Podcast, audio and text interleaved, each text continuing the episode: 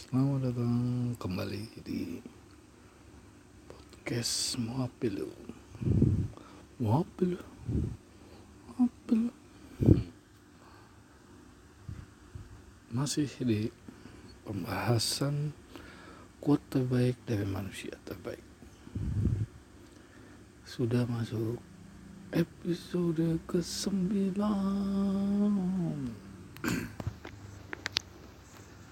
episode ke-9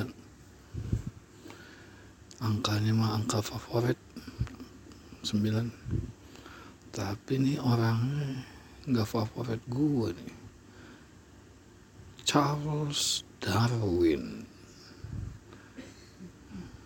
Namanya sama sih sama gue nih.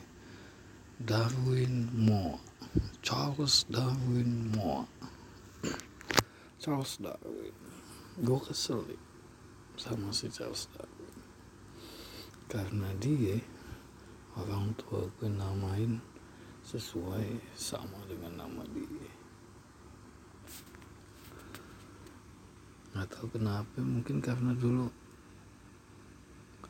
viral kembali kontroversi teori Darwin. Teori Darwin udah lama cuman mungkin pada saat itu pada saat gue lahir kontroversinya itu bangkit kembali makanya gue dinamain Darwin. Gue kesel itu karena teorinya Charles Darwin tuh banyak masyarakat yang bilang dan banyak orang yang bilang teorinya itu manusia berasal dari monyet. Salah sebenarnya. Karena teori ini makanya nih sejak kecil gue dibully dipanggil monyet sampai gue gede nih dipanggil monski. Yang artinya monkey. Monyet juga. Padahal maksudnya tuh bukan itu. Maksudnya tuh manusia dan monyet satu familia. Satu familia tuh kayak misalnya Pisces ikan beda ikan betok sama ikan hiu beda. Cuman satu familia doang. Dan quote-nya itu banyak juga. Quote-nya banyak Charles Darwin banyak quote-nya. Quote yang terbaik menurut gua itu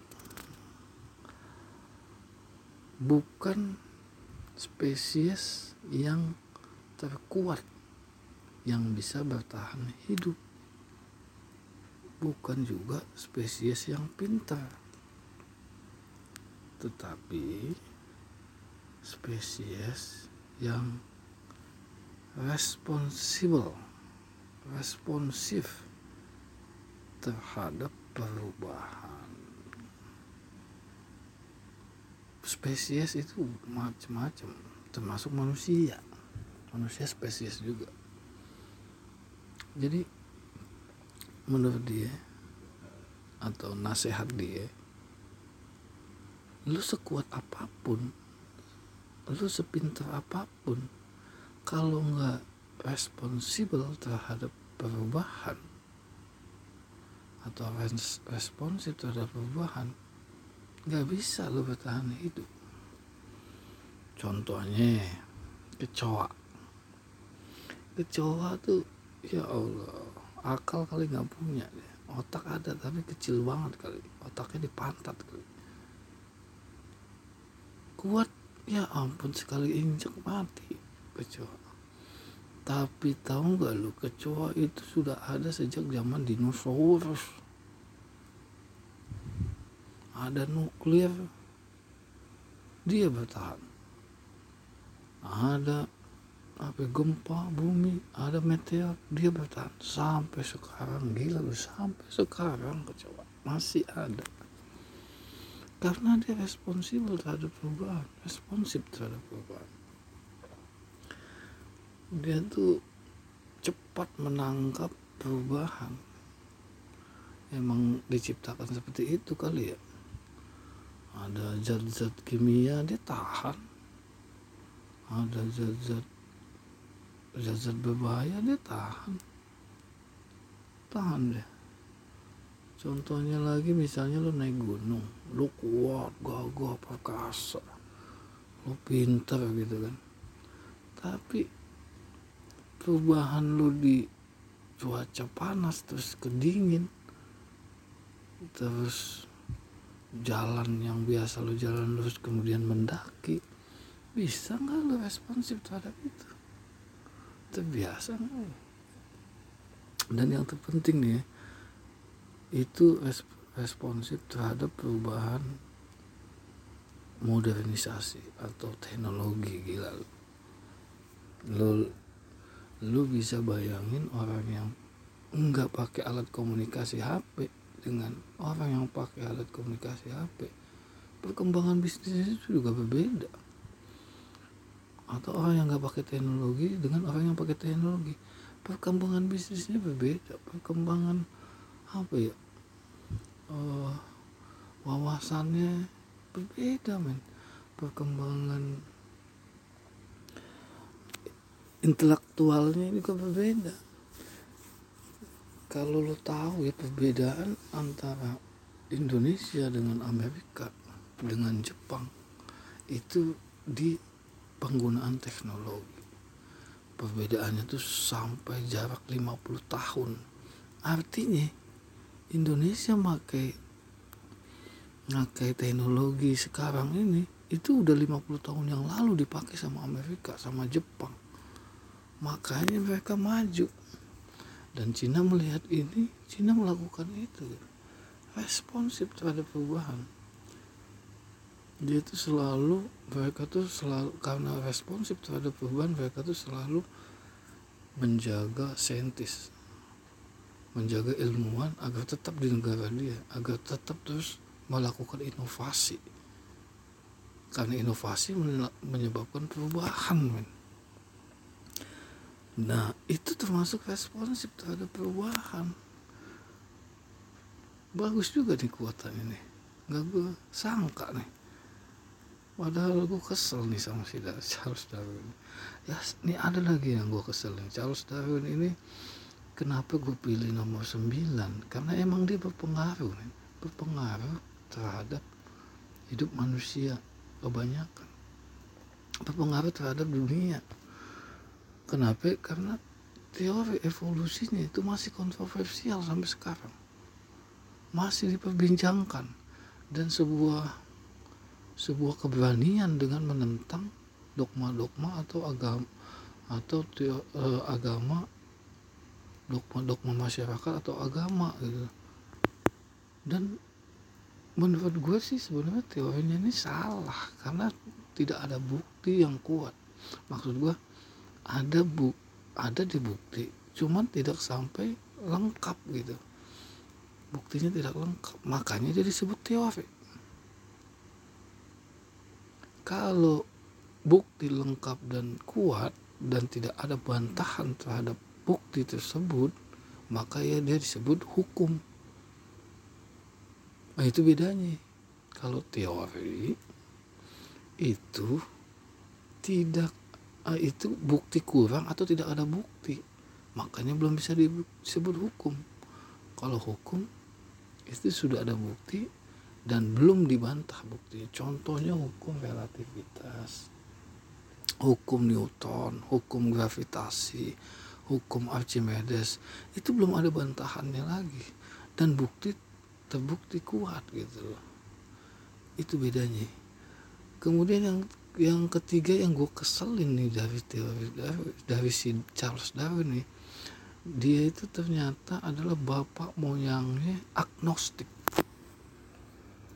Sebenarnya kata bukan kata agnostik sebenarnya paham agnostik itu sudah dibincangkan tapi belum ada bapak moyang yang belum ada yang benar-benar gitu mengakui bahwa dia agnostik. Charles Darwin inilah bapak moyangnya dia yang mengakui bahwa dia agnostik tahu kan ya? Agnostik agnostik. Agnostik itu percaya Tuhan itu ada percaya. Tapi nggak tahu nggak percaya dengan agama. Dia nggak punya agama. Bullshit agama. Tapi dia percaya bahwa Tuhan ada. Beda sama ateis. Ateis sama sekali nggak percaya adanya Tuhan apalagi agama kalau agnostik percaya ada Tuhan. Tapi nggak percaya dengan agama ini kan aneh menurut gue kalau menurut gue mah aneh. Kenapa? Karena yang namanya Tuhan pasti punya nabi punya rasul. Nah agama itu tuh bentuk dari dari ajaran-ajaran nabi dari ajaran-ajaran rasul. Iya gak kalau dia percaya ada Tuhan tapi nggak percaya ada agama berarti dia nggak percaya nabi rasul berarti dia menganggap nabi rasul tuh nggak ada. Ya kan? Nah itu. Ini nih gue keselnya sama si Charles Kane ini nih agnostik nih dan sampai sekarang agnostik makin lama makin berkembang pesat.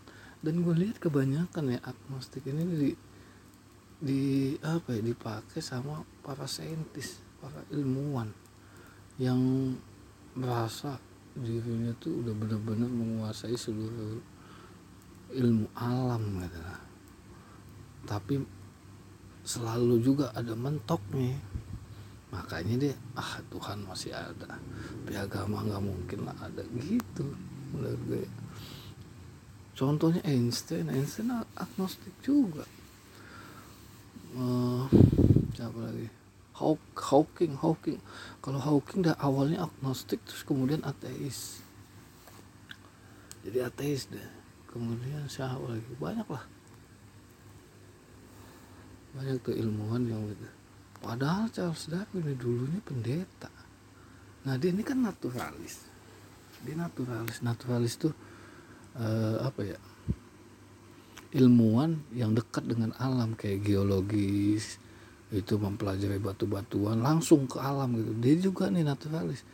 Dia mempelajari biologi langsung ke alam dia mempelajari apa ya tanah-tanahan dia langsung ke alam gitu loh tumbuh-tumbuhan dia langsung ke alam Nah si Charles Darwin ini karena dia pendeta, dia tuh dapat bukan berapa bantuan dapat perintah dari gereja untuk ke pulau-pulau. Anehnya dia ke sana tuh ke pulau-pulau atau ke tempat-tempat baru itu bukannya ngajarin agama Kristen, malah mempelajari naturalis. Dari situlah tuh. Jadi kependetaannya dicabut, akhirnya dia jadi agnostik deh tapi emang sampai sekarang agnostik masih ada dan berkembang karena itu dia gue pilih nomor 9 berpengaruh terhadap manusia lain di dunia ini udah nomor 9 aja lo cek itu terus gue akan akan terus membahas quote-quote terbaik dari manusia manusia terbaik selama sebanyak 100 episode.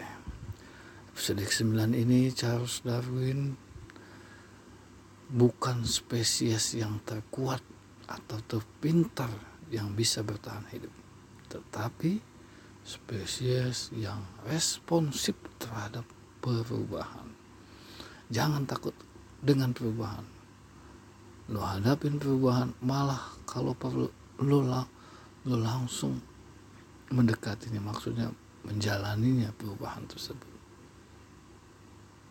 Cek kita terus mau apa kuat kuat terbaik. Manusia terbaik. Wassalamualaikum warahmatullahi wabarakatuh